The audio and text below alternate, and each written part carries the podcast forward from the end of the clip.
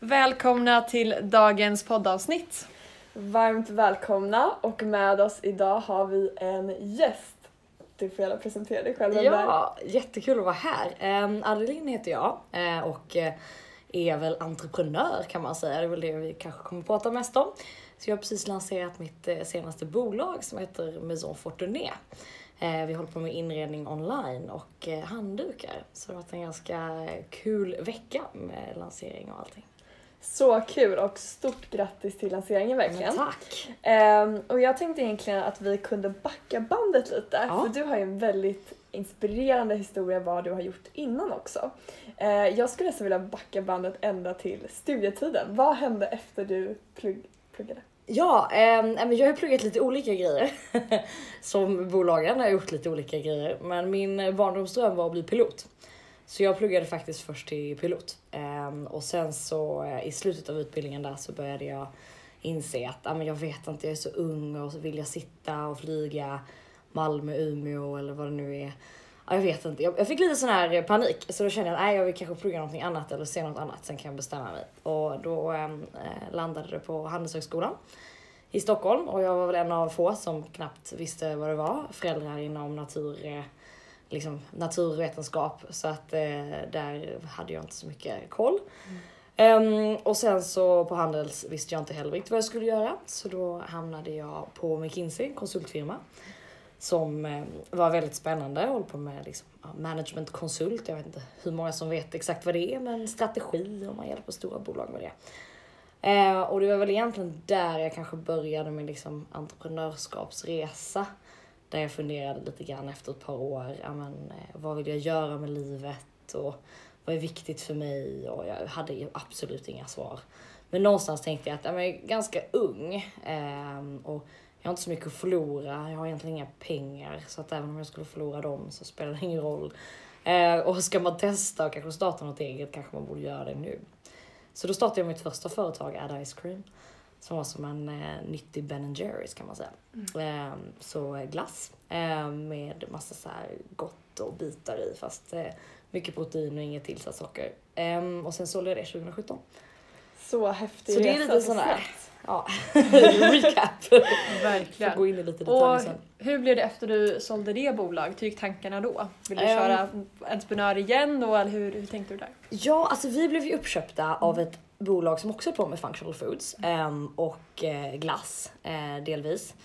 Och eh, så jag tänkte först att jag skulle vara anställd där ett tag, ehm, och prova på det. Ehm, och vi, de satsade stort på, på Nordamerika. Så jag jobbade med deras ja, lansering i Nordamerika. Så i början så var jag nog inställd på att vara kvar där ett tag. Men sen så började jag fundera och ja, helt plötsligt att komma tillbaka som anställd om man ska säga var, var nog kanske inte helt rätt för mig. Utan jag eh, saknade den här kreativa, lösa snabba puckar och att saker ska gå fort eh, och sådär.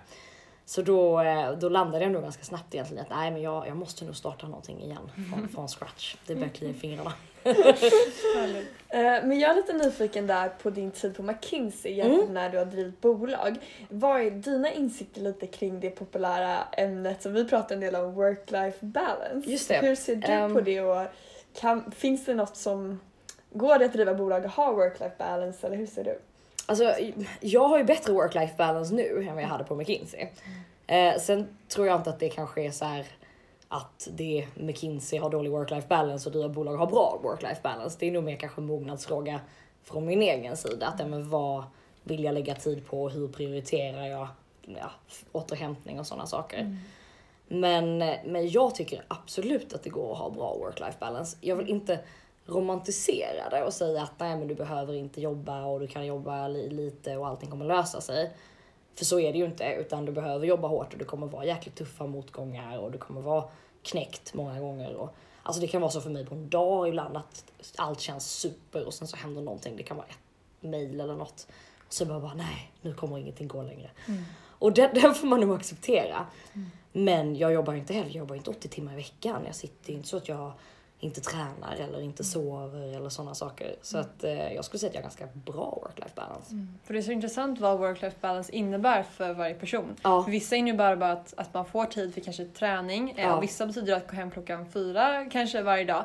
Eh, så det är så olika vilka förväntningar man har på, på sitt jobb. ja verkligen. så det är verkligen individuellt faktiskt. Ja, och för mig tror jag det handlar mycket om att jag klarar inte av den här vetskapen att jag måste sitta en viss tid. Mm. Det tror jag är det som stör mig mest. Mm. Att eh, nej men du ska sitta till midnatt eller du ska sitta till sex, jag bryr mig egentligen inte. Men att någon annan säger åt mig vad jag ska göra på det sättet. Och många gånger blir det att jag får säga åt mig själv, nej men jag måste faktiskt sluta nu för att jag, jag måste sova och annars så blir det inte bra. Då blir jag ju typ bakfull dagen efter. alltså lite den känslan. Ehm, men, men det tror jag är min så här, nyckel till work-life balance. Att jag måste välja. För om jag känner för nej, men jag, jag måste ta ett träningspass nu eller jag behöver göra något annat. Då måste jag kunna göra det utan Mm. att det blir ett problem liksom, med min arbetsgivare eller hur jag nu jobbar. Det är jätteintressant just kring friheten som du säger Ja. att du kanske till och med sitter lika mycket eller mer som ett annat fast jobb men just att du känner att du har bestämt gör ju skillnad hur, hur glad man Ja. är över det. Ja. Det blir ju liksom lite av ett mindset. Ja. Kanske man, så här, kroppen är lite lättlurad också. Ja. Ja. Men, men för mig så är det, det är superviktigt. Ja. Men under den här resan, skulle du kunna berätta lite om några toppar eller dalar eller både och du har haft under, under den här resan? Eh, ja, absolut. Ehm, nej men jag skulle säga, alltså de... Jag drivs ju mycket av business. Jag tycker det är kul att göra affärer och jag tycker det är kul alltså när man eh, kan ta någonting eller en tjänst eller en produkt och sen så förädla den eh, eller skapa någonting och sen så sälja den dyrare i princip än vad man har skapat den för. Ehm, så många av de eh, topparna, alltså på Add Ice Cream så hade vi en, eh, lanserade vi en pepparkaksdegsglass som var som en cookie dough fast med pepparkaksdegssmak. Eh, och den sålde ju helt eh, fantastiskt bra. Jag tror vi sålde lika mycket pepparkaksdeg på två veckor som vi gjorde vanilj under resten av året. Wow. Så det var ju en sån här bara, då var man i någon form av så här, oh, Ja. inget kommer någonsin gå dåligt, allt går så himla bra. eh, fantastiskt eh, eufori. Ehm, och, och samma sak, vi, vi hade väldigt mycket ambassadör, ambassadörer och eh, jobbade med ja, men, olika influencers på olika sätt och sådär. Och att bygga det teamet eller vad man kan säga var också så en stor topp. För att det var väldigt kul att folk, att vi hittade någonting att vara engagerade kring. Eh, och få folk att känna att ja, men det här är lika mycket ditt som det är mitt. Eh, och det är mer du som skapar det än vad det är jag som skapar det. Eh, och den, den känslan älskar jag när man eh, tillsammans bara går ihop och vill, vill någonstans. Ehm, så så då, det var egentligen då det kanske toppade med Ice Cream och sen sålde vi bolaget och det var ju också så spännande i sig Mm. att åh, göra en exit och eh, det är klart att när, alltså så här, folk runt omkring är bara åh, häftig grej och sådär. Ehm, sen så var det ganska tufft när vi hade sålt eh, för jag var i LA mycket eftersom att vi satsade på eh, USA ehm, och var ganska ensam där och vi var väl kanske inte helt synkade i eh, ja, men vad jag, jag hade väl sett någonting framför mig när jag skulle börja jobba eh, och kanske sett samma frihet och, och samma möjligheter medan eh, de kanske mer hade sett mig som en anställd som ska jobba på ett visst sätt och Ehm, och det var ganska tufft för mig. Inte så här, nu låter det som att oh, jag kan inte, kan inte anpassa mig. Men, men för att vi hade väldigt olika syn på hur man skulle driva bolaget och på vad som var rätt och inte. Ehm, och jag är mer av en, alltså jag tycker det är, jag älskar både den här kom- kombinationen av strategi och faktiskt operations, att göra saker. Men ehm, de, eller de jag jobbade med tyckte nog att det var ganska konstruktivt att diskutera och diskutera och diskutera. Men alltså för mig var det så här, men vi kan inte sitta och diskutera det här i all evighet, vi måste bara få köra. Och du vill uppenbarligen A och jag vill B och vi kommer aldrig enas om det. Ehm, så då var ju då egentligen efter ett tag när jag hade varit med om det jag valde att, att lämna. Och det var en ganska tuff eh, period innan jag beslutade mig för att lämna. Mm. Eh, och fundera på, men, är det fel på mig eller varför funkar inte det här? Och, och samtidigt som man förväntade sig då av folk runt omkring en var så väldigt eh, happy. För att ja, helt plötsligt så bor du i LA och du har sålt ditt bolag och allt går som tåget och sen så är man egentligen inte alls happy. Mm. Jag tycker jag häftigt av dig ändå att komma till det beslutet ganska fort. Att det Mm. var liksom inte så, det var optimalt för dig att det inte var optimalt helt enkelt hur, hur du vill arbeta. Ja. Eh, jag tänkte fråga lite, för att vi jobbar ju med investering till startups. Ja. Eh, och en vanlig fråga vi brukar få är, ska man ta in investering? Eh, Ja. Och liksom vad är fördelarna och nackdelarna? Vad, vad tänker du kring investering i startups?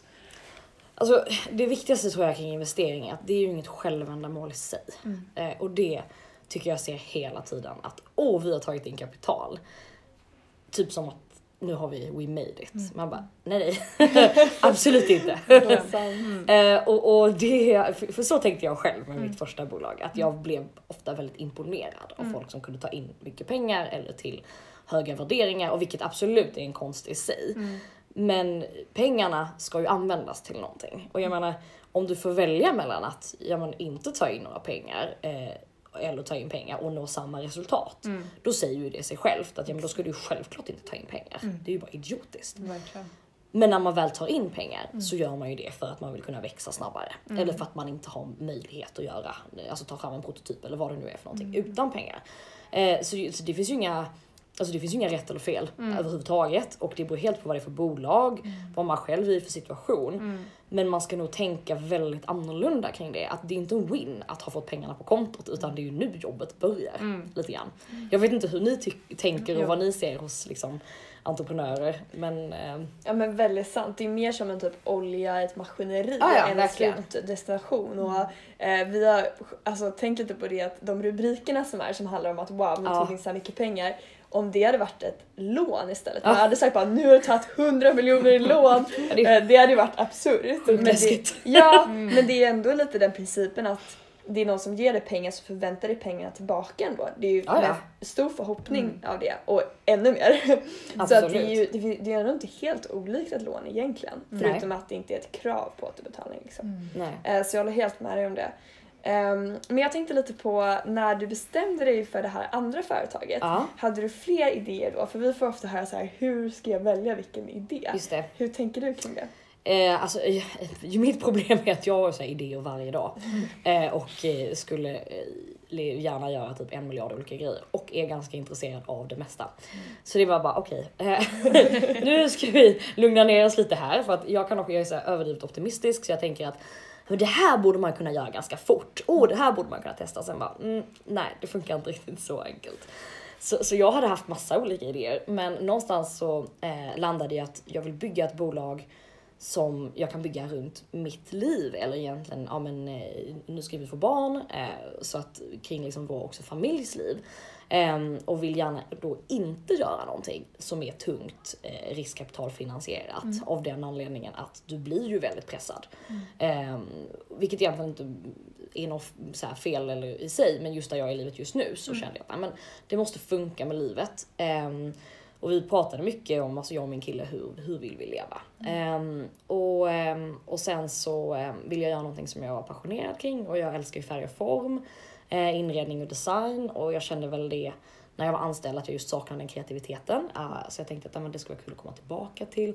Ehm, så någonstans föll det kanske naturligt att eh, jag vill, och jag vill gärna göra en produkt och hålla på med varumärken för det tycker jag är jättespännande. Ehm, och e-handel är superspännande. Så det, det föll lite, liksom, de stjärnorna eh, blev sådär, ja men det där borde jag utvärdera mer noggrant än kanske alla andra konstiga idéer som man får för sig. Sen var det inte givet att jag skulle göra handdukar, men jag ville göra någonting som var en eh, nisch. Så man inte bara, "Ah, vi ska göra inredning online. Okej, men gör ni lampor eller gör ni bord eller gör ni lakan? Mm. Eh, utan börja med en, en nischad produkt som man förstår som kund, men vad är det de håller på med? Sen kan man expandera eh, eller inte. Liksom. Kan du berätta lite om, eh, om vad ni gör och så? Ja, eh, såklart. Det är ju det, är ju det roligaste. Ehm, nej men vi eh, håller på med eh, lyxiga handdukar då, alltså egentligen för badrum. Ehm, så vi heter Maison Fortuné. Eh, och Fortuné hette min gammelmormor. Det var faktiskt hennes förnamn. Ehm, och det betyder ju lyckosam eller rikedom på franska. Ehm, och hon var entreprenör i parfymbranschen.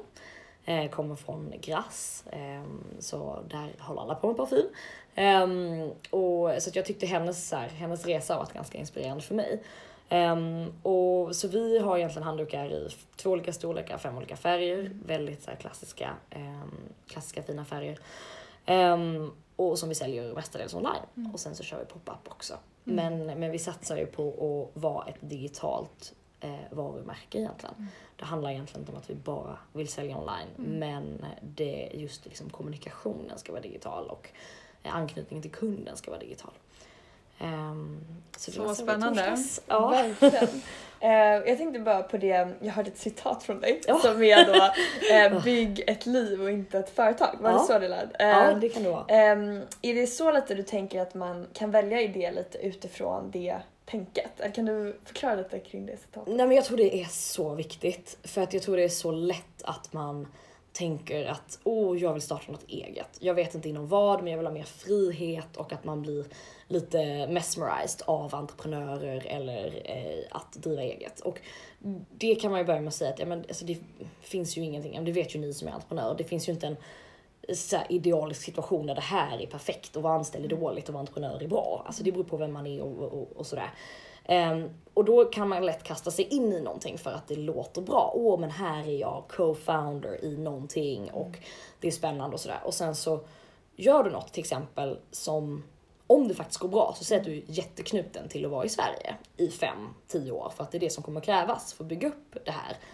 Men i- in your heart så skulle du egentligen kanske vilja bo utomlands.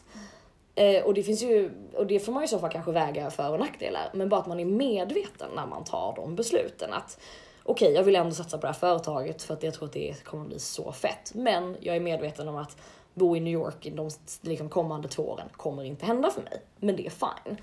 Och, och det tror jag kan bli lite fel ibland för att man, man sätter så mycket förhoppning till att det här bolaget ska rädda ens, eh, vad ska man säga, inte rädda men att man ska bli så simulerad av det. Och sen tänker man, ja det andra löser sig.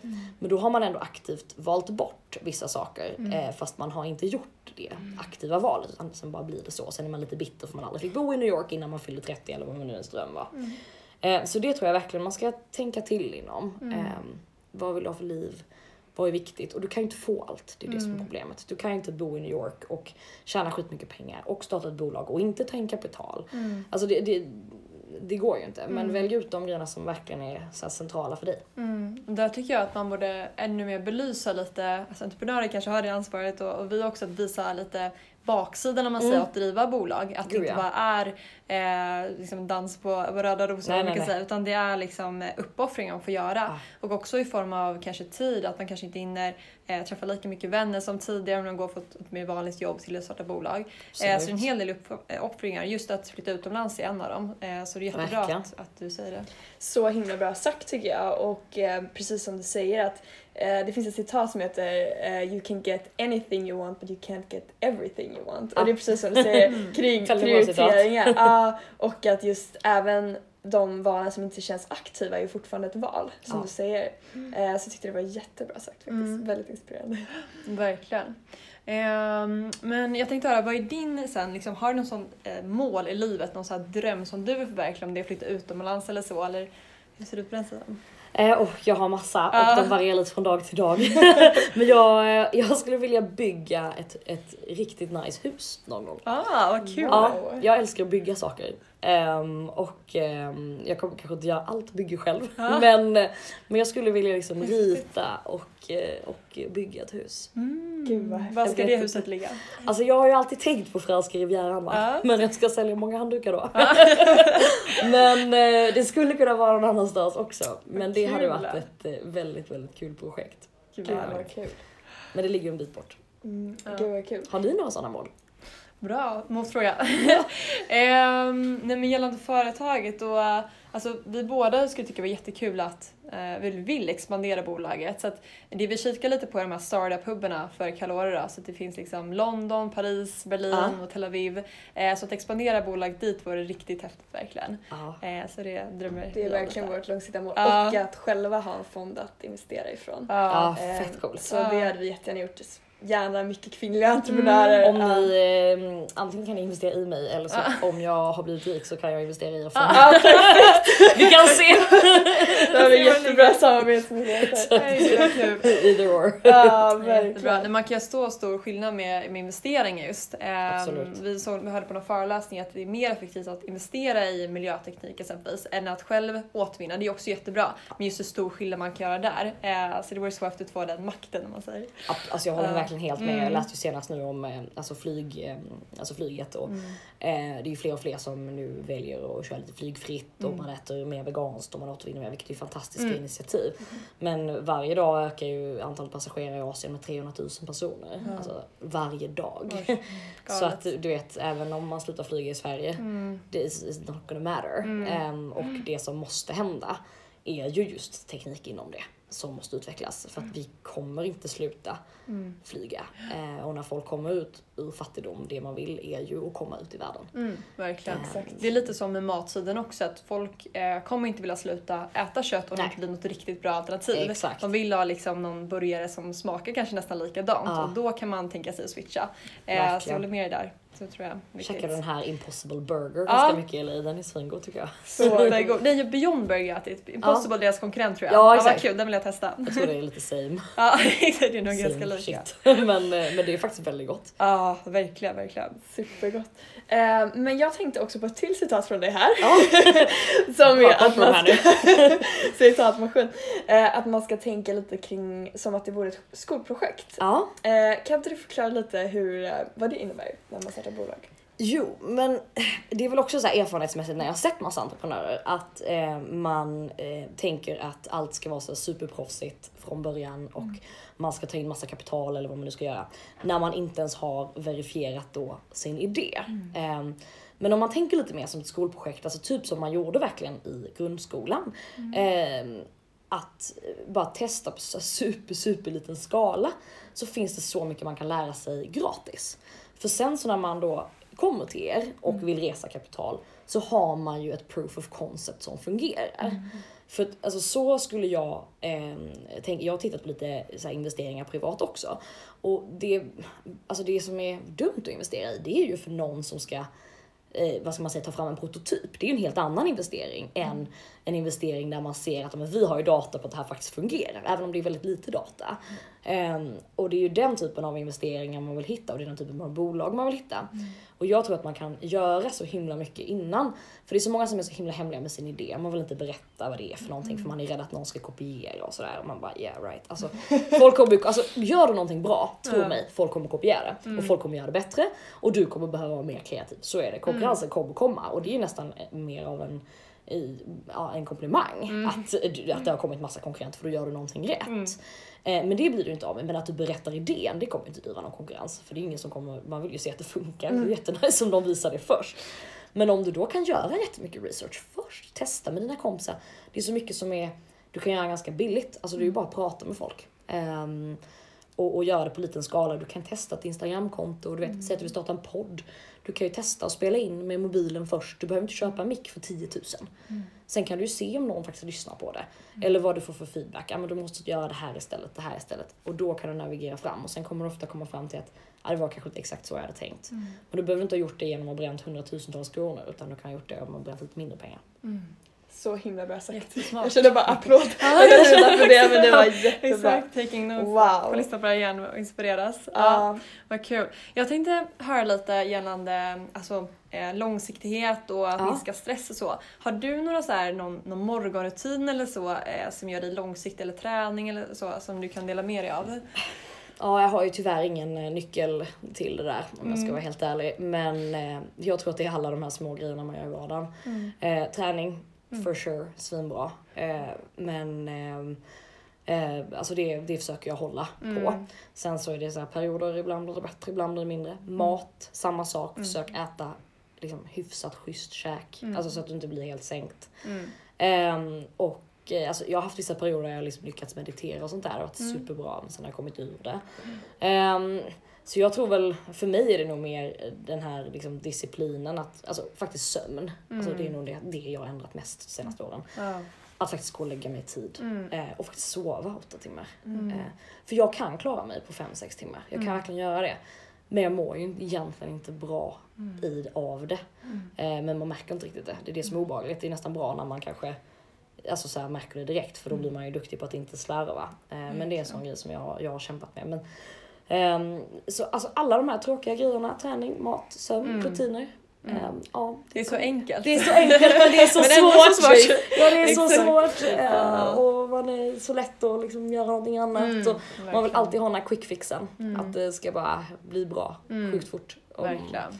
men eh, göra det under lång tid, då Mm. det spelar ingen roll om man är entreprenör eller vad man är för någonting, basketspelare eller någonting annat eh, fast man har liksom ett högpresterande jobb så Mm. Kommer det funka. Ja, Tror jag i alla fall. Mm. Men jag tänkte lite på ditt optimistiska mindset. Ja. Har du alltid varit sån eller är det någonting du har liksom tränat upp över tid? Um, både och. Jag tror att min hjärna funkar lite så att jag har svårt att förstå varför saker ska vara på ett visst sätt. Um, alltså så här, jag har, det är bara ett koncept som jag inte riktigt fattar. Eh, att ja, men, om man ska eh, I don't know, eh, starta, jobba på McKinsey så måste man gå på Handels. Ja, va, varför är det så? Alltså, finns, finns det någon anledning? Eller om man ska starta bolag så måste man göra på det här sättet. Okej, jag har bara svårt att få fatta det. Eller om man ska leva så ska man ha ett jobb och sen ska man ha ett hus och sen ska man ha en vovve liksom och vad det nu är. Ehm, och det har jag nå- någonstans alltid haft. Så jag har alltid varit väldigt optimistisk i att nej men man måste ju kunna göra på det här sättet också. Och i de flesta fall så, så upp, försöker man ju uppfinna ljudet på nytt. Så inser man att ah, nu fattar jag varför man gör så här. Det fanns faktiskt en anledning. Hmm, ah, jag kanske inte var så jäkla in- intelligent att börja uppfinna detta. Men i vissa fall så inser man att nej men det går ju också att göra på ett annat sätt. Ehm, för att det här var nog mer kanske en norm som var satt och som inte stämde helt och hållet. Ehm, så, så den attityden har jag, eller inställningen har jag alltid haft. Just att jag har haft svårt att, att greppa ehm, varför man gör saker på ett visst sätt. Och det är nog samma sak i om man tittar på typ jämställdhet och sånt. Mm. Som egentligen kanske har fått eh, mig att ticka mer. Det är så här, men varför måste det vara så här? Alltså Mm. varför ser vi saker alltså, som vi gör det? Ehm, mer än eh, andra diskussioner, för det kommer alltid upp så här, ah, men det är massvis biologiska skillnader mellan kvinnor och män och vi kan inte bortse från dem, bla bla bla. Och jag bara, nej men det är klart att det finns biologiska skillnader mellan kvinnor och män. Jag sitter ju för fan här på smällen, alltså det fattar ju jag om någon, att, att det kan ju inte du vara som man. Alltså, då, det blir liksom konstigt, jag bara, vad ska jag svara på den frågan?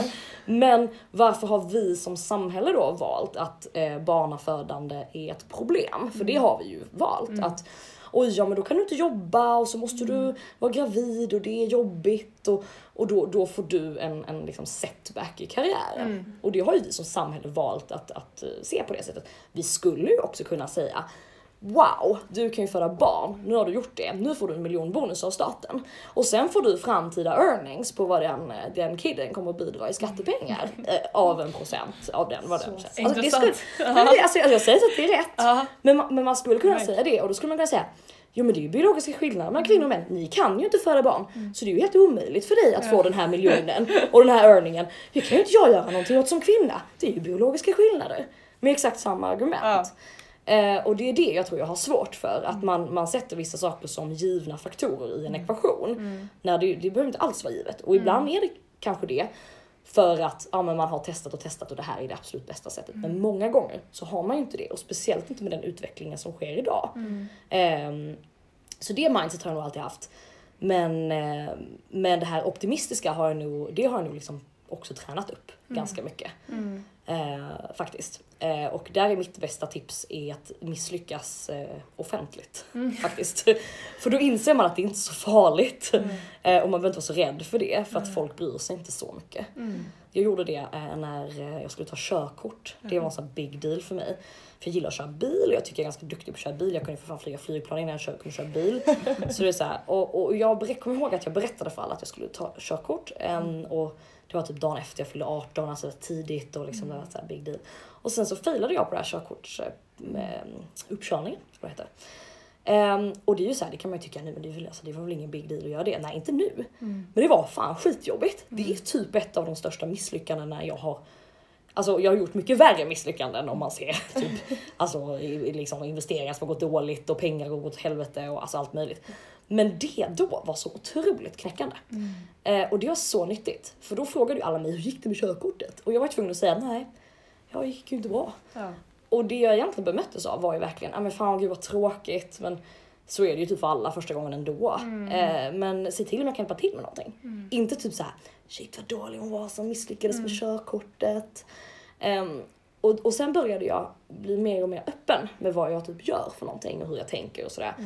Eh, och sen så när det inte går som jag har tänkt mig så eh, ja, liksom nu är det så självklart men då blir det som en jättebra övning och så blir man ändå, för det var den kanske mer rädslan jag hade innan och då bara, men då kan man vara positiv och optimistisk och säga det och sen kanske inte går som man tänkt sig ändå men who cares? Mm. Det är inte så big deal. Verkligen. Men jag tror det är bra att put yourself out there lite grann. Mm. På Handels var det så att folk ville inte berätta vad de fick för betyg på tentan eller typ så här. alla sa ju efter en tenta, jag vet inte om ni känner igen det men jag kommer verkligen ihåg det, bara, ah, det gick så dåligt, det gick så dåligt och sen fick de typ så här, Ja. Man bara- men alltså, jag bara, men alltså det är ju fysiskt omöjligt att det gick så dåligt. Ja. Ehm, Det är aldrig tvärtom att du säger det gick så bra, så du bara det gick skit allihopa. Vi hade faktiskt en sån kille. Ja det var så. Ja, och han sa så här, alltså om inte jag får A på den här tentan, då ska jag bara naken i sägelfontänen. Oj. Sen fick han se och jag bara, nu måste vi få se det här. Gjorde han det då?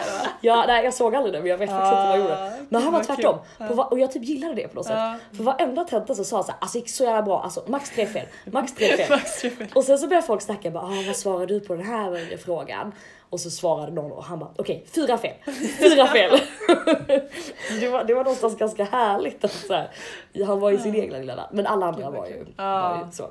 Men jag håller med dig, alltså, när man ser folk verkligen är ganska öppna med sina motgångar och svagheter. Eh, man får ju aldrig någon liksom, motstånd. Alla är ju så här superhjälpsamma då. Bara, men gud vad kan jag hjälpa till med? Och liksom, det är då folk engagerar sig på Alltså riktigt. verkligen. Så det är så dumt att, att liksom, sluta sig själv eh, och inte dela med sig. Det är jätte, jättedumt faktiskt. Men jag håller också med om att skolan kanske blir lite så här fel skola om man vill bli entreprenör sen. För det är så här, Mm. den lär ju en typ att du kan ha rätt och du kan ha fel Ja. och får du inte det här betyget då har du gjort fel och det Ja. ett misslyckande och det finns ingen annan väg att nå det här betyget och sådär. Nej. Så att det är ju ganska olikt också från sen att vara entreprenör där man inte längre ska vara så duktig utan snarare så här gör massa försök och misslyckas med dem. Mm. Så jag förstår helt det här, kanske speciellt om man har satsat mycket på skola och sen till exempel Ja. körkort man bara va? Jag trodde jag var bra på Exakt. att klara grejer. Jag Mm. hade exakt samma känsla där, verkligen. Ja men och, och man är så van vid att hela tiden att någon säger åt en om det är bra eller dåligt. Mm. Det är typ som nu med lanseringen. Ja, hur känns det? Skitbra, det känns jättekul. Men jag kan inte säga om det, alltså egentligen, jag har ju ingen, jag har ingen betygsskala på att ja, men, de här kriterierna ska uppnås för att du ska få MVG liksom. Mm. Men innan så var man ju så van, speciellt om man är ambitiös, att man hela tiden mäts och det är så lätt att, att mätas och det är ju någon form av instant gratification, lite som en like också. Så var det på McKinsey också, man fick också betyg på i princip på projektet vad man gjorde och sådär. Så då fick man ju veta att jag är bra på det här, jag är dålig på det här, okej då måste jag bli bättre på det här. Det blev liksom lättare. Men alltså, som entreprenör, det är såhär, var det här bra eller dåligt? Ja, nej, det känns bra. alltså, det, det är skönt ibland att få den Verkligen. bekräftelsen men eh, samtidigt så det funkar ju inte riktigt så egentligen i vanliga livet, i alla fall inte som entreprenör. För det är ingen som kommer säga åt dig. Nej. Och där är lite där, eh, jag tror att det är growth mindset och static mindset, hur man tar motgångar också. Ja, Att om man blir så väldigt nedslagen, då tänker man att jag är dålig på det här. exakt. Eh, om man har growth med så är det så här, okej men då kan jag utvecklas, vad kan jag göra bättre? Ja. Eh, och en sak vi ofta tänker på är just självkänsla. Mm. Eh, och det är liksom en bra egenskap genom hela livet egentligen, men också när man driver bolag, för man Mm. får så mycket nej. Ja, gud, Hur tycker du kring självkänsla och att gilla sig själv alltid och så? Alltså jag tror det är den viktigaste resan man kan göra. Mm. Eh, att, att lära sig och trivas med sig själv och bli sin egen bästa kompis. Mm. Jag kommer ihåg att eh, Isabella Löwengrip skrev det någon gång i någon blogg för typ tio, alltså hennes blogg är typ för typ tio år sedan. Att så här, min största styrka är att jag är min egen bästa vän. Eh, och det tror jag är så rätt. Att Ja. man faktiskt tycker om sig själv. Inte eh, så här, oh jag är så himla bra och jag är bäst på allt. Utan men bara, jag tycker om mig själv för den jag är. Med de felen jag har och de eh, alltså accepterar, alltså lite så här embracear hela den man är. Istället för att för annars kan det bli att man pumpar upp sitt självförtroende och bara, men jag är ju faktiskt bra, kolla vad bra jag är och så mäter man sig själv i olika i prestationer. Men att man bara, ja men jag duger som jag är. Den tror jag är jätteviktig. Ehm, att hela tiden påminna sig om. Och där tror jag också för mig i alla fall att det är väldigt hjälpsamt att då misslyckas eller berätta när det går dåligt. För då disconnectar man ju sig själv från sina prestationer. Ehm, och du får ändå hjälp och beröm eller whatever du vill kalla det. Du får ändå stöttning. vilket du, då kan, blir det liksom, för min självkänsla så blir det som att, ah, shit folk tycker faktiskt om mig för den jag är. Och de skiter ju i om det här gick dåligt. Det spelar ingen roll. De kommer ändå ge mig en kram. Om jag bara berättar det. Ehm, så det tror jag också är jättehjälpsamt. Att försöka komma bort från sina prestationer. Du är ju inte dina prestationer, vare sig de är bra eller dåliga. Eh, Exakt, samma, så- ja. samma sak åt andra hållet, när, man, när det väl går skit, skit, skitbra så ser man ju vissa där det stiger dem fullkomligt ovanför huvudet och bara "Ja, jag är bäst på allt och alla andra är idioter. Det blir inte heller så himla charmigt. Eh, Nej. Nej men som du säger, om man verkligen vågar upp, visa upp sina svagheter, då är så här, om folk fortfarande gillar den, då stärker det kanske ens självkänsla. Kanske Ja. inte borde göra det, Nej. men då blir det ändå så här typ att okej det här är jag, att man vågar liksom vara den man är. Och att man inte tänker att okej de gillar mig bara därför för att de inte vet om det här. nej. Eh, så det kan vara väldigt värdefullt. Det är ett bra synsätt också tror jag som du säger att se det som en bästa kompis. För Mm. en bästa kompis värderar man inte efter ens prestationer bara. Nej. Jag gillar dig bara på grund av prestationerna. Nej. Så ser man sig själv på samma sätt så kanske man kan disconnecta du Och man skulle ju aldrig säga till sin bästa kompis bara, oj du ser lite tjock ut idag. Nej. Alltså det skulle man ju aldrig göra men det kan man lätt säga till sig själv. Mm. Eh, när man tittar sig i spegeln man bara oj det här var det hängigt. Mm. Eller vad det nu är.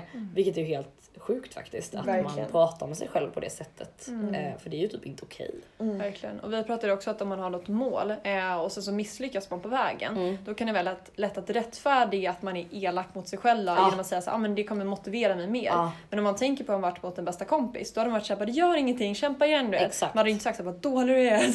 Utan alltså, det är ju helt knäppt att man säger så till sig själv. Det är det är galet. Det har du faktiskt rätt i. Som Mm. att man skulle säga till sin bästa polare. Man bara Åh vilken sopa du är. Man bara va? Man bara jag är ju redan liksom nere här. Ska du verkligen sparka på mig när jag ligger? Man bara så du blir motiverad och kommer upp igen. Exakt. Det är ju faktiskt Exakt. helt helt knäppt. Ja.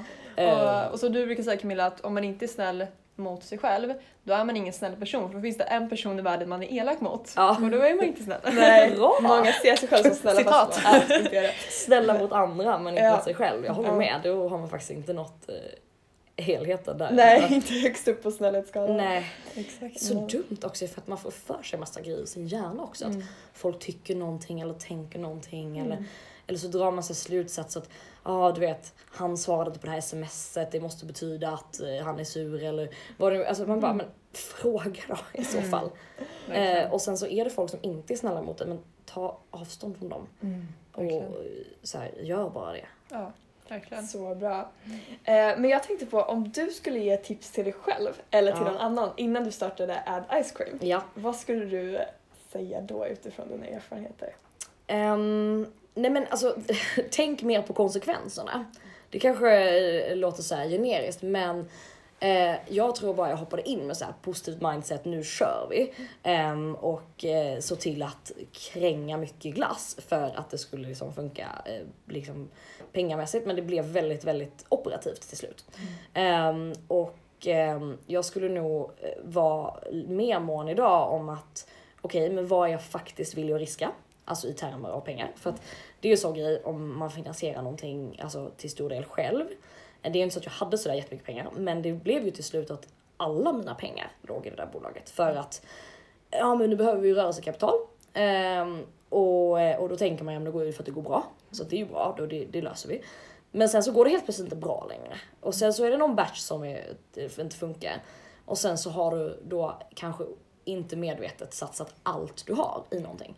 Så tänk till innan, vad är du villig att riskera? Ehm, och ehm, vad är du villig att riskera i termer av tid och tid utan lön? För då tänkte jag också, nej men det där kommer lösa sig, jag kommer kunna ta lön om sex månader tror jag enligt någon kalkyl.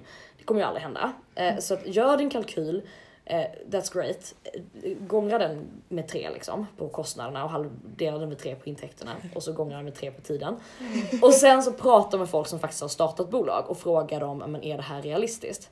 För då kommer man säga, nej men jag tror inte du kommer kunna ta lön de första, om du inte säljer din tid de första ja, ett och ett halvt, två åren. Jag tror inte det är möjligt eh, om du ska göra någonting själv.